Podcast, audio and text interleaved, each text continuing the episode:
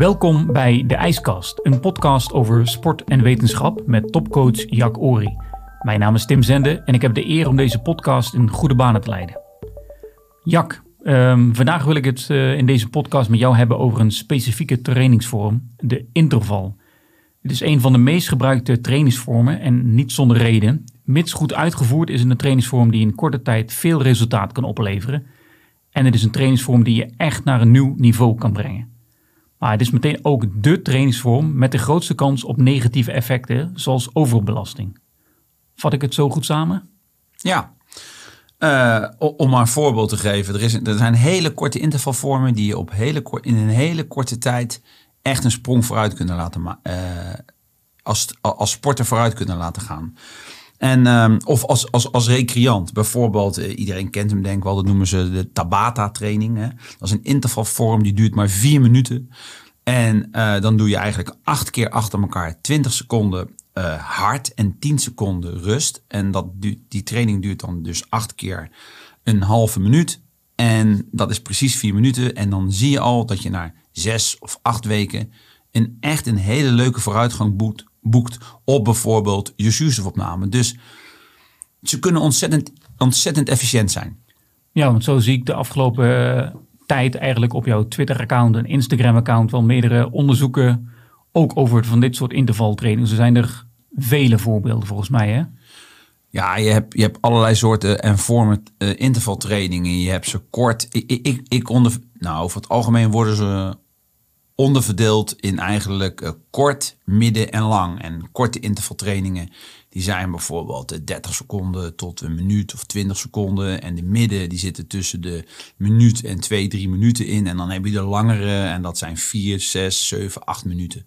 Dus er zijn eigenlijk drie onderverdelingen. En daar binnen heb je weer onderverdelingen in de hoeveelheid rust die je moet nemen, de soorten intensiteit. Dus je hebt ontzettend veel soorten intervaltraining. Ja, nou, daar gaan we straks nog wat uh, dieper op in. Um, maar kan je eerst eens aangeven hoe belangrijk de intervaltraining is voor jou als schaatscoach? Ja, die is in mijn programma ontzettend belangrijk. En uh, de, de basis van een intervaltraining is eigenlijk dat je, uh, als je, als je zeg maar 10 minuten continu moet sporten, hè, die wil zo hard mogelijk voor 10 minuten schaatsen of fietsen of wat dan ook, dan, dan zit er een bepaalde snelheid aan dat je dat 10 minuten vol kan houden.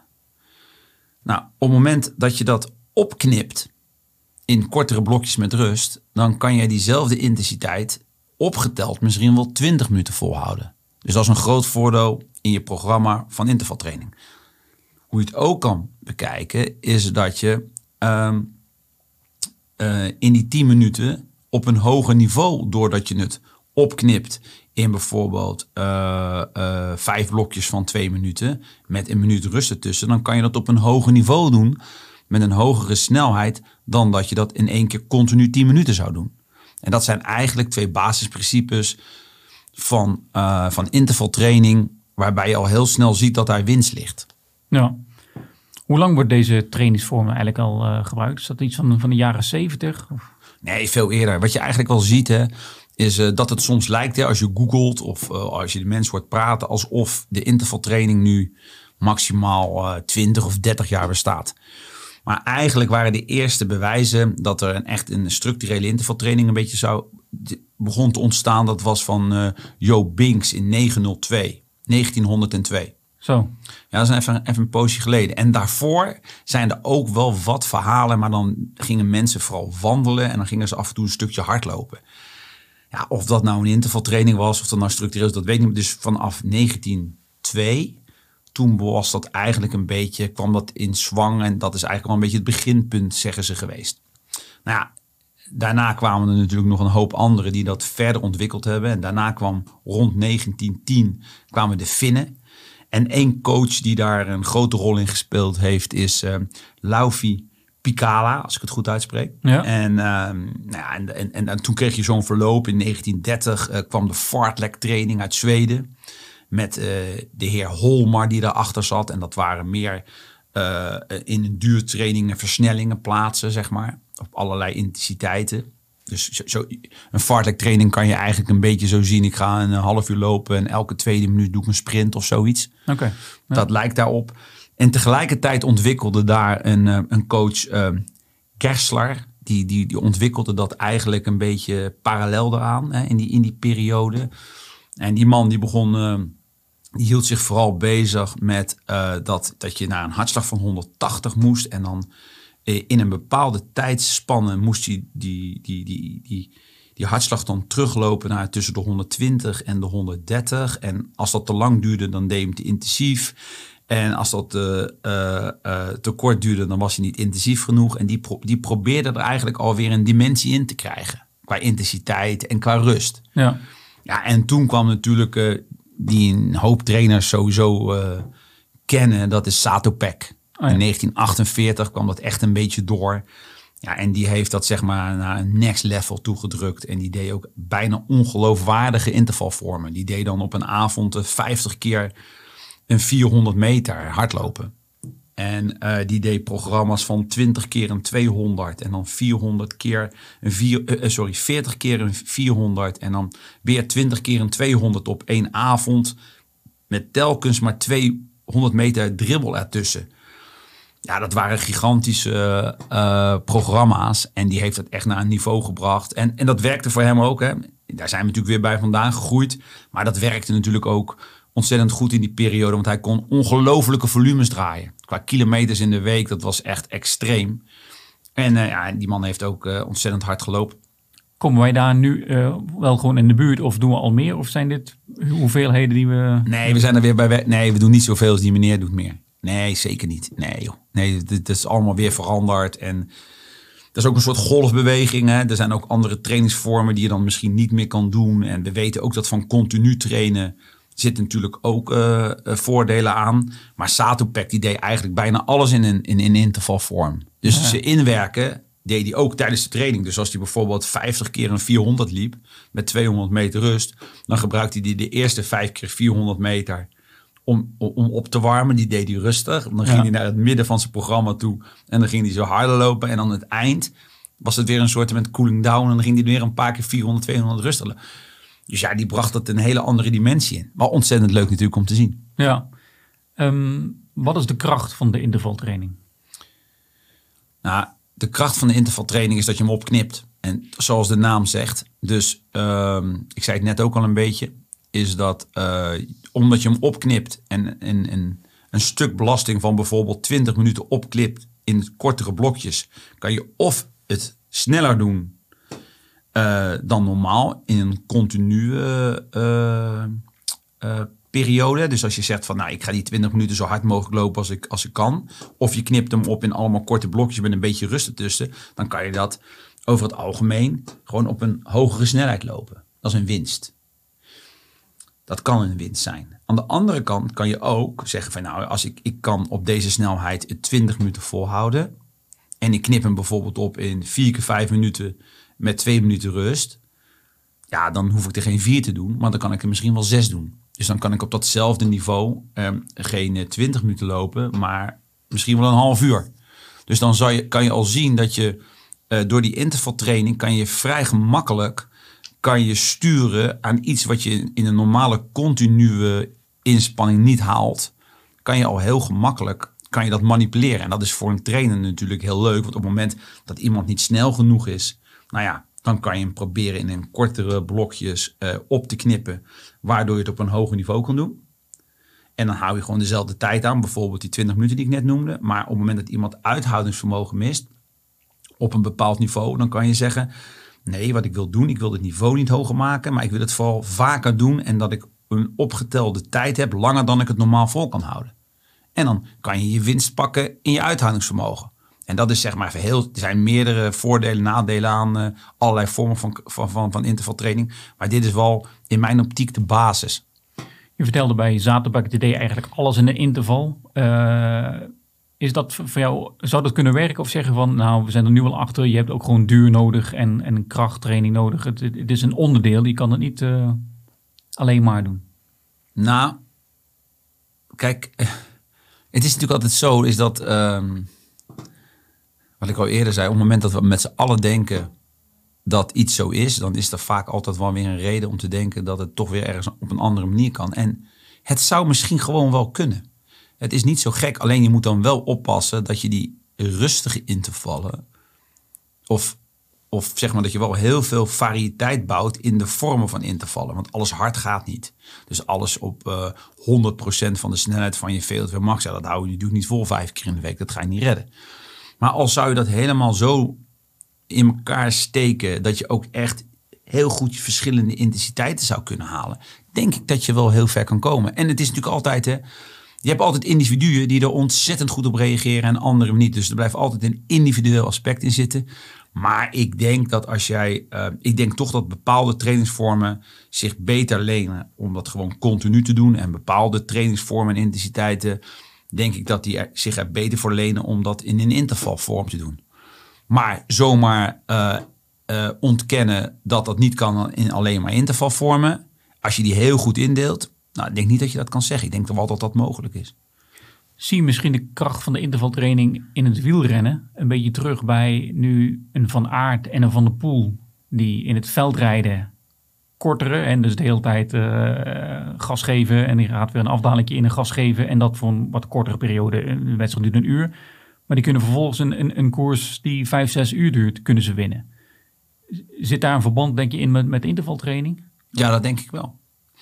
Eh, kijk, die, die jongens die moeten natuurlijk ook voor die belasting van om en nabij een uur, hè, moeten ze natuurlijk ook veel duurwerk doen. Want anders, dat, anders lukt je dat niet zo makkelijk. Ja. Maar vooral die wedstrijden die ze elke keer doen, ja, die, die, het is natuurlijk een ontzettende mooie belasting. Die wedstrijd op zich al. En, omdat je die, en daar moeten ze natuurlijk ook weer voor trainen om die, die intensiteit aan te kunnen. En daar, daar zullen ze vast en zeker intervalvormen voor gebruiken. Maar die training op zich, die, die, die, die, die een uur lang met wisselend tempo, een bergje op fietsen, bergje af fietsen. Want er zijn natuurlijk constant wisselingen, een bochtje, een stukje hardlopen. Dat zijn hele korte, uh, eigenlijk onregelmatige intervalvorm uh, is het eigenlijk. Want ja, het ene bergje is langer dan het andere. Je zit in die finale, niet in die finale.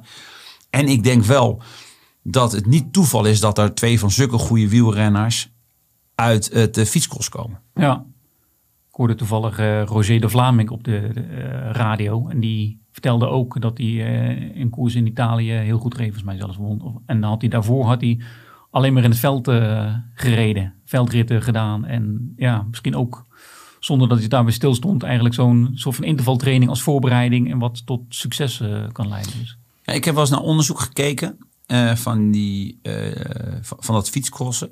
En dan, ja, dan, dan kan je wel afleiden uit die hartslag. Hè? Hoe die hartslag fluctueert en op wat voor hoogtes die zit. Van, van, van, van je maximale hartslag. Dat dat een ontzettende goede prikkel voor mensen kan zijn. Ja. Ontzettend goed. Ja. Je moet natuurlijk aanleg hebben. Dat zit natuurlijk altijd wel wat in. Hè? Maar uh, het, het, is, het is geen toeval. Daar geloof ik niet in. Nee. Um, je hebt het al eerder, benoemd een, beetje, maar van welke soorten intervaltraining uh, heb je? Je had het over kort, uh, midden, wat, wat lang? Nou ja, je hebt bijvoorbeeld, als je naar de intervaltrainingen kijkt hè, en je kijkt bijvoorbeeld naar de intensiteit, hè, die is heel erg natuurlijk verbonden met ehm, hoe lang je dat vol kan houden en, en hoe lang je interval is. Er zijn natuurlijk intervallen. Over het algemeen zie je dat er intervalvormen worden gebruikt tot 175 tot 200 procent van het vermogen wat je levert bij je maximale zuurstofopname. Ik zal dat uitleggen. Dat betekent, hè, als ik bijvoorbeeld een test doe waar ik bij maximale zuurstofopname haal, dan uh, uh, is dat bijvoorbeeld uh, eh, 500 eh, watt. En dan doen ze dus intervallen, die kan je dan doen op 1000 watt of op uh, uh, 750 watt. Maar die zijn dan kort? Die zijn kort. Die moet je wel kort, want je volhoudtijd is daar natuurlijk uh, ook kort. Ja. Dat is allemaal uh, tussen de 20 en de 30 seconden of 15 seconden, uh, noem maar op. En die zijn kort. En dan heb je natuurlijk ook intervalvormen die op de 120% van dat ehm, vermogen zitten. En je hebt ook intervalvormen die zijn dan weer langer. En dat zijn bijvoorbeeld uh, blokken van uh, 7 minuten of van 6 minuten. Dan doe je bijvoorbeeld 4 keer 7 minuten met 2 of 3 minuten rust. En die zitten dan eigenlijk weer onder je VO2 max. Dus als je dan een VO2 max hebt van bijvoorbeeld uh, 500 watt, dan zit je bijvoorbeeld een, een, een VO2 max vermogen. Dus ik ben een beetje kort door de bocht. Dus het vermogen wat je haalt op je VO2 max. Ja. Nou, als je 500 meter, 500 watt haalt, dan ben je echt wel een, een serieuze sporter. In, in een, zeg maar een protocol, eh, het ligt een beetje aan het protocol natuurlijk wat je doet, maar in een normaal stappenprotocol van twee of drie minuten, dan kan je goed uit de voeten. En eh, dat betekent dat, ehm, ja, dan kan je ook intervalvormen doen die weer langer zijn en die zitten dan weer onder je VO2 max. Ja, en die kan je dan, ja, en die geven weer een, een, een ander effect. Die, die, geven op, op, eh, en dat is ook logisch. Maar wat soms uh, misschien iets minder logisch is, is dat ze eigenlijk allemaal uh, een leuk tot goed effect hebben op je maximale zuurstofopname. Ondanks ze kort zijn en dan heel hard, ondanks ze wat langer zijn en dan weer een stuk rustiger, dan zie je toch ook weer dat er een bepaalde overlap is van die, van die intervalvormen. Dat die ook gelijk effect hebben, maar aan de andere kant weer veel minder. Want bijvoorbeeld een, een, een korte interval op een hoog niveau, op een hele hoge intensiteit. Ja, die zal ook in ieder geval wat doen op je sprint. Ja. Op je pure snelheid.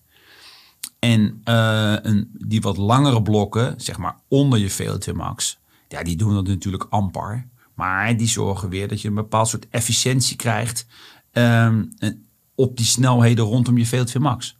Of er een beetje onder. Dus ze hebben overal, elke vorm, uh, en of je nou, uh, wat ook een heel duidelijk verschil is in intervalvormen, neem je korte of lange rust ten opzichte van je intensiteit. Dus als jij bijvoorbeeld in, in, in, Maar is het niet zo, als je een, een uh, hoge intensiteit moet je lange rust nemen, minder hoge intensiteit, korte rust? Of zeg je van nee, maar ook daarin kan je gewoon uh, Ja. in fluctueren? En- Ja hoor, daar kan je gewoon in fluctueren. En dat heeft natuurlijk wel allemaal zijn consequenties. Maar eh, om een voorbeeld te geven, het, je, je aerobe systemen, je aerobe verbranding met zuurstof, die is eigenlijk relatief traag. Dus die, als, jij, als jij een inspanning begint, dan neemt dat zuurstofopname eh, neemt in een bepaald tempo toe. En als je gestopt bent, dan hebt dat een bepaalde traagheid en dan zakt dat aerobe systeem weer een beetje in. Maar je hebt natuurlijk ook systemen die zijn veel sneller. Die gebruik je altijd ongeveer een beetje tegelijkertijd. Alleen de een wat harder dan de ander. En als jij een inspanning begint die wat intensiever is, dan gebruik je in het begin je anaerobe eh, energiesystemen. Die zijn sneller, maar eh, die leveren ook weer meer eh, afvalstoffen. Dus wat je dan hebt, dat als jij een, een, een, een korte rust neemt, dan zie je dat zeg maar dat aerobe systeem, dat duurt wel even voordat dat ingezakt is. En als je dan de volgende interval gaat beginnen, dan kan je alvast weer een beetje meeliften op dat aerobe systeem, want dat is nog niet helemaal ingezakt. Oké. En dan hoef je wat minder je anaerobe systeem te gebruiken om daar energie te kunnen leveren. Maar dat betekent dat als jij een hele lange rust neemt ertussen, of relatief lang, dan zakt dat aerobe systeem in. En vervolgens komt dan de volgende interval. Ja, en dan heb je even snelle energie nodig. En dan zou je toch wat meer moeten bijschakelen met je anaerobe systeem. En dan komt later je aerobe systeem weer op. Dus dan kan je al zien dat de rust van een interval ontzettend ehm, verschil kan geven in wat voor effect eh, het, het- de, de training heeft. Maar dit is ook een, iets heel gevoeligs eigenlijk. Want eh, inderdaad, ga je iets minder met de rust, dan heeft dat alweer consequenties voor welk systeem je aanspreekt. Dus Ja. je kan wel denken van ik doe nu gewoon interval, want we gaan een bepaalde intensiteit, daar word je beter van. Maar misschien zonder, als je er niet helemaal goed in verdiept, bij een bepaald systeem aan het trainen wat je misschien helemaal niet wil trainen of waar je niet over hebt nagedacht. eh. Dat klopt. ja. Dat klopt. En, en, en, en daarom, daar bestaat zoveel verschil in die trainings. Kijk, het kan, het kan ontzettend veel brengen, maar het kan ook wat halen. Want Ja. het kan gewoon per ongeluk zijn dat je... ehm, dan is die trainings, dat trainingsprogramma is geen slecht eh, vorm van intervaltraining. Nee, het geeft gewoon een effect wat je soms per ongeluk eh, niet doorhebt. Ja, en dan zien ze dat je dan zeg maar op een bepaalde vorm van, of in een wedstrijd, een, een bepaald vermogen mist. En dan denk je al snel, ja, die, die, die intervalvorm was echt helemaal niks. Nee, je hebt gewoon die vorm verkeerd ingezet. Want dat heeft gewoon een ander effect. En dan worden heel snel bijvoorbeeld trainingsprogramma's afgeschoten in intervalvormen. Omdat gewoon het effect eh, wat die training heeft gewoon anders is dan dat je verwacht. En dan kan het natuurlijk ook nog zijn dat eh, iemand doet een training eh, in een thuisomgeving. ja, eh, doet, denk van nou ja, ik neem t- mm, een, een minuut rust in plaats van eh 45 seconden, want ik voel me wat moe of wat dan ook. En daardoor een totaal ongewenst effect krijgt. Ja, dat, dat zou kunnen. Dat Ja. zou kunnen. Ik bedoel, en, en dan heb je ook altijd nog, ehm, eh, voor niet iedereen geldt natuurlijk altijd hetzelfde. Niet, wat, dat noemde ik net ook al. Niet iedereen kan tegen die, dezelfde trainingsvormen, maar dat heb je snel door. En dat hangt een beetje af van je spiervezeltypering, een beetje wat je constitutie is. Hè? Of je een duuratleet bent of niet een duuratleet eh, bent. Een sprinter of een middenafstand, er zitten allemaal wat verschillen in. Maar desalniettemin eh, kan je wel best wel een, een, een leuk onderscheid maken in die trainingsprogramma's. Die dan, die dan mogelijk zijn in die intervallen. En je ziet bijvoorbeeld, hè, eh, dat heeft Hel, Helgerut, als ik het goed uitspreek. Helgerut, Helgerut, die heeft ooit, dat, dat gebruikt hij ook in de revalidatie en in, in, in, de normale populatie van ongetrainde of een klein beetje getrainde mensen. En die zegt dan gewoon, oké, doe je vier keer vier minuten. En vier minuten op een intensiteit van rond de 90 tot 92 procent van je maximale hartslag. Dan zie je dat je dan per training gemiddeld een half procent toeneemt in jouw maximale zuurstofopname. Nou, dat betekent dat als jij daar een, een riedel gedaan hebt, dat dat vrij snel gaat. Heb je er 10 gedaan, nou, dan heb je heel wat percentage gewonnen. Ja. Dus soms is het ook, als je hem op de juiste manier invult hè, en je weet eh, waar het effect ligt, is die ontzettend efficiënt. Want wat is nou vier keer vier minuten met drie minuten rust? Dat is, dat een trainingje met een beetje opwarmen van, van nog geen 40 minuten. Maar het geeft wel een mega effect. En dat zien ze ook dat, dat, dat, ze, dat, ze gebruiken die trainingsvorm ook. eh, en dan, dan kunnen ze aan de kwaliteit zien en wat je capaciteit van je hart is. En dan geven ze dan een leeftijd aan of dat echt maar. Ja, ze doen het nou eenmaal. Hè. Het, is, het is wel een hele leuke maat.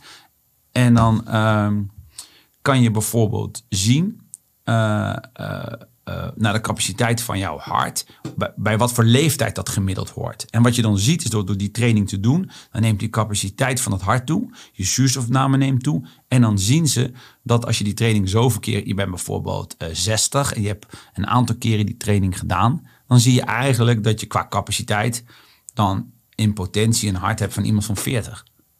Zo.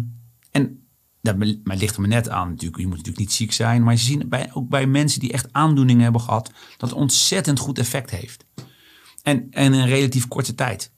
En wat is dan de training die jij ongetrainde of slecht getrainde mensen, geen, geen sporters, zou, zou, zou aanraden?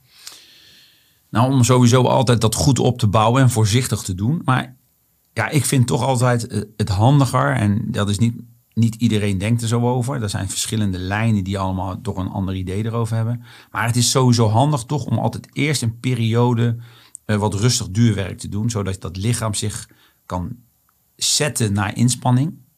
Dat kan dan wennen aan inspanning, naar een hogere hartslag, betere doorbloeding. En op het moment dat je dan een periodetje gedaan hebt, dan kan je dan intervalvormpjes erin brengen.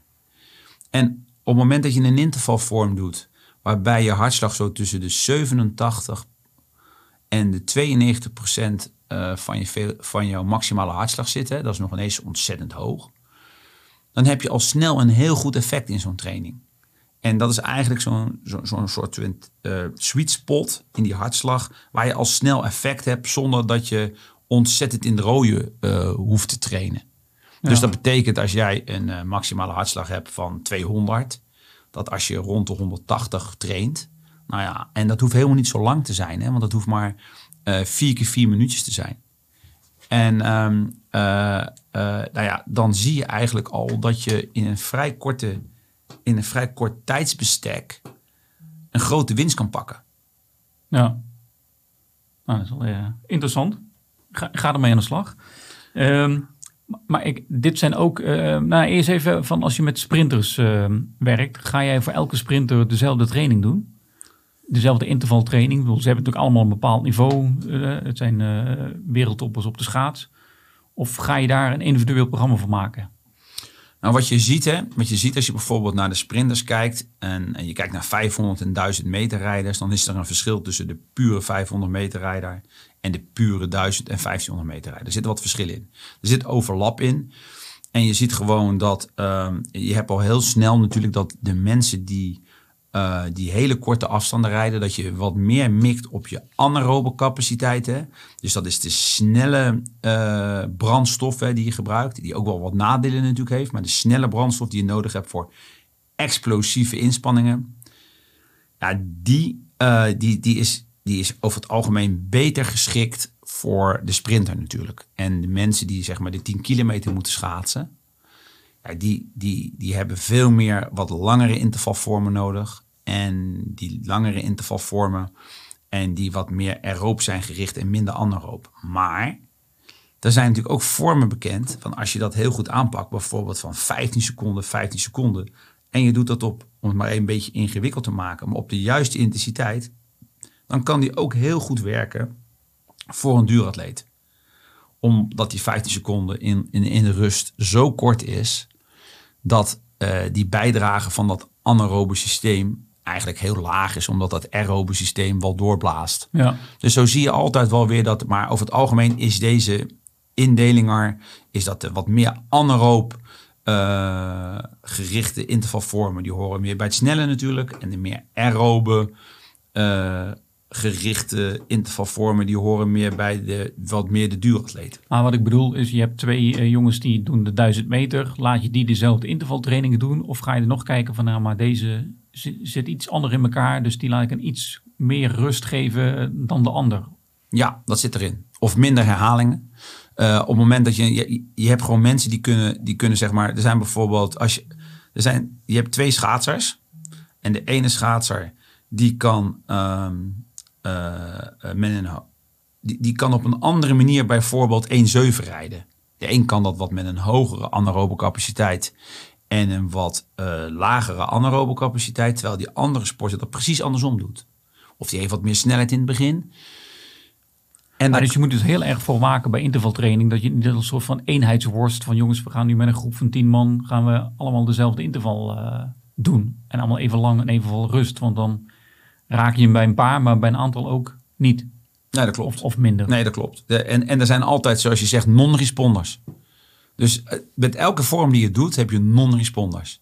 En wat nog vervelender is, en waar vaak mensen niet aan denken, is dat je ook reverse responders hebt. En dat betekent? Ja, die gaan de andere kant op. Dus die worden er slechter van. Oh. En zo heb jij bij je ploeg eigenlijk bij iedereen wel een beetje een beeld van ja. bij die werkt dit en bij die werkt dat. Bijvoorbeeld, en dat is misschien wel leuk om te noemen, Carlijn Achtereekte, die kan, er zijn bepaalde korte trainingsvormen, daar wordt ze niet beter van. Daar wordt ze eerder slechter van. Terwijl ze ontzettend goed reageert op wat langere intervalvormen of kortere intervalvormen op een andere intensiteit. Maar die hele korte super, ja, daar reageert ze gewoon heel slecht op. Dat bijvoorbeeld Antoinette de Jong, die ongeveer hetzelfde doet, daar wel goed op reageert. Die, die, heeft, uh, die, die, re, die reageert daar totaal anders op. Ja. En dat daar zitten, uh, kijk, de grote moot die reageert wel vaak gewoon wat je verwacht. Maar ten alle tijden heb je non-responders en reverse responders. En die kom je gewoon tegen. En de ene keer is dat, uh, zie je dat niet, maar geregeld kom je ze tegen. Moet je hierbij bij deze training ook heel goed in de gaten houden. Hè? Je hebt de, de, de arbeid-rustverhouding in de training zelf. Maar ook nog hoe je dit combineert met andere training. Met de duurtraining, met, met, uh, met de krachttraining of wat dan ook. Of is het echt een training op zich? Nou, in eerste instantie heb je natuurlijk te maken is dat je, uh, het ligt aan de intensiteit van je trainingsvorm, hoe vaak je hem in de week kan doen. En, um, en, en, dan moet je een keuze gaan maken. Wil ik hem na een, uh, voor een rustdag hebben of na een rustdag hebben? Daar begint het al mee. Want op het moment dat die heel zwaar is en daarna komt een training die zeg maar uh, technische aspecten van het schaatsen gaat uh, meepakken, dan heb je grote kans dat je te moe bent om dat te doen. Want ze zijn soms ontzettend intensief. Ja. En aan de andere kant weet je ook dat het gewoon niet goed combineert. Bijvoorbeeld bepaalde vormen combineren niet goed met krachttraining. En andere vormen, ja, die zijn gewoon te vermoeiend als je ze bijvoorbeeld in een. Uh, als, als je in een week traint waar je heel veel volume hebt. en daar wil je ook nog intervallen bij drukken. Ja, dat trek je gewoon niet. Omdat je gewoon uiteindelijk maar een, een bepaalde capaciteit hebt hoe je kan herstellen. En uh, dat zijn allemaal aspecten die je constant uh, moet uitvissen. En de ene is er ook weer gevoeliger voor dan de ander. Maar over het algemeen, in een normale week kunnen sporters en ook een gemiddeld getraind persoon of een normaal, normaal fit, gezond persoon, die kan makkelijk twee intervaltrainingen in de week aan. Ja. Is dit, ik, ik zei het al eerder, maar is dit ehm, de training bij uitstek waar ook overbelasting op de loer ligt? Ja, zeker. En wat je, wat je nog wel eens ziet is natuurlijk als je wat, wat vooral wat, de wat langere blokken gaat nemen. Hè, dus vanaf twee minuten zo'n beetje. Dan, ja, dan hebben die schaatsers of sporters of atleten echt het vermogen om daar ontzettende hoge lactaatwaarden bij te halen.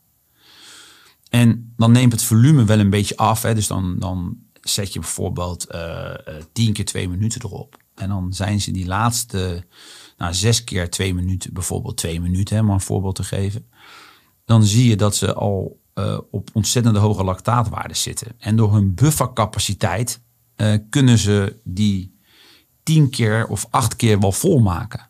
Maar dan gaan ze elke keer maar in het rode. En dan gaan ze daar te veel in. En dan zie je dat het herstel van zo'n intervaltraining te lang duurt. Waardoor andere trainingen niet tot hun recht komen.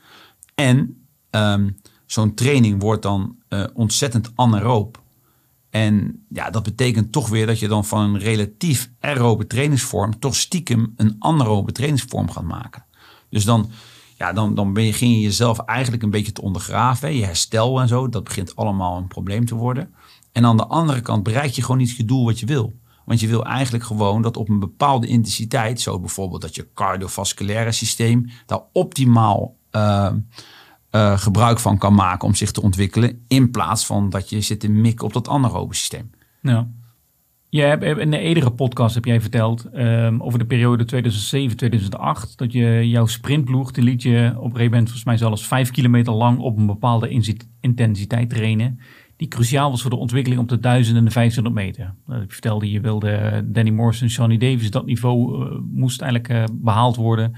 Met mannen als Mark Duiten en Steven Groothuis. Um, die vijf kilometer bleek te lang. Met die intensiteit schakelt hij terug naar vier kilometer.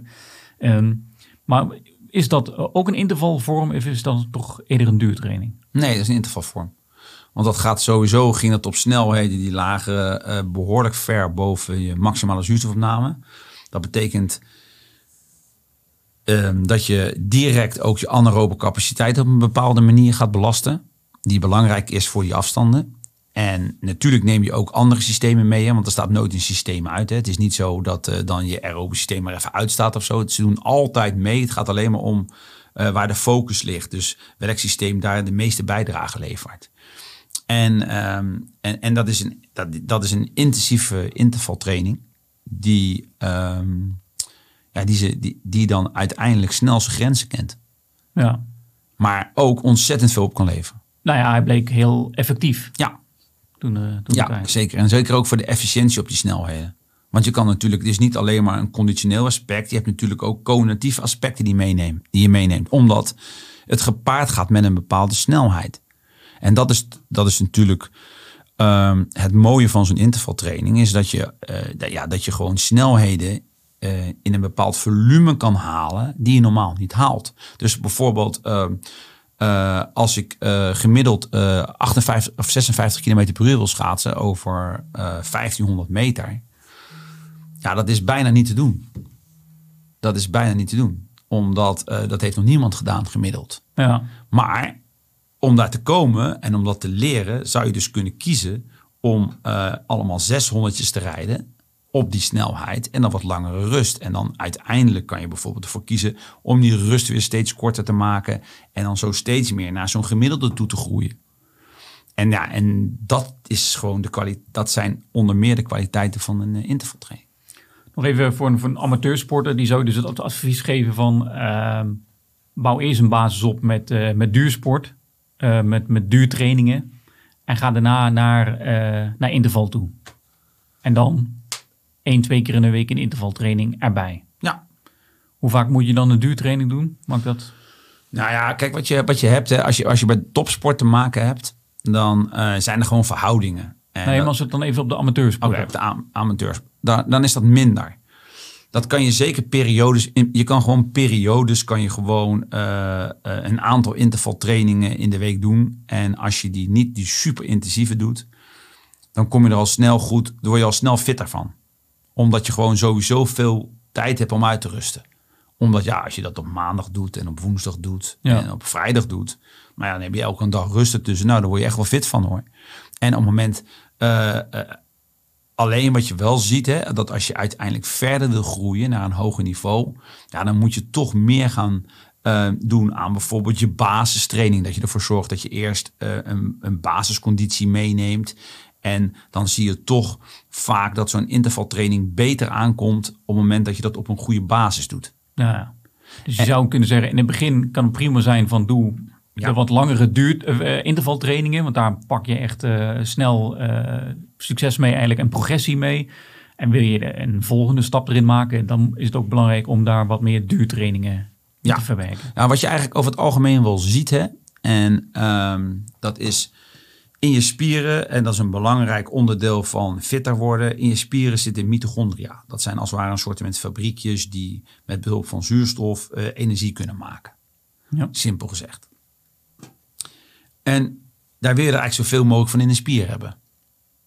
Maar je kan die dingen er zeg maar bijmaken in je spier. Maar aan de andere kant kan je die dingen ook beter laten werken. Door de worden soort groter of de, de capaciteit van zo'n mitochondria neemt toe.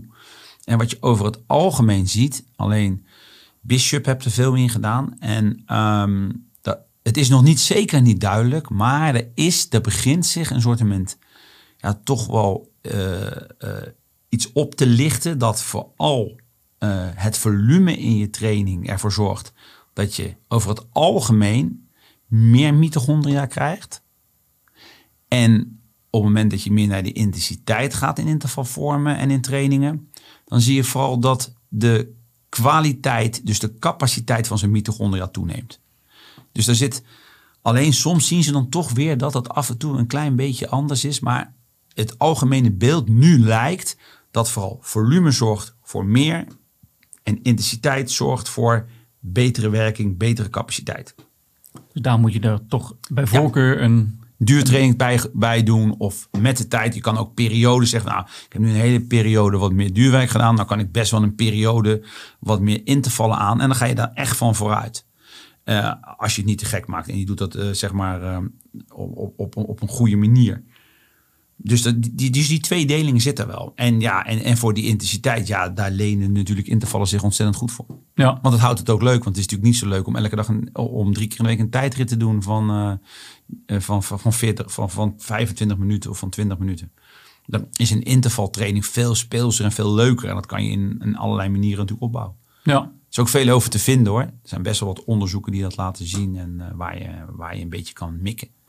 Ik uh, ga ervan uit dat er binnenkort alweer een, uh, een onderzoek wordt uh, gepubliceerd op jouw Instagram-account. Daar kan je zeker van uitgaan. Mochten mensen hier trouwens nog vragen over hebben, heb je een vraag voor Jack, dan kan je altijd een mailtje sturen naar info.orise.nl, O-R-I-S-E.nl. En dan later dit jaar zullen wij vragen van luisteraars gaan behandelen. hiermee zijn we aan het einde gekomen van de zesde IJskast, een podcast over sport en wetenschap. Dank voor het luisteren en tot de volgende ijskast. Jak, zet jij de ijskast even een standje kouder? Ja, hij staat nu op uh, eh, 4 graden boven nul.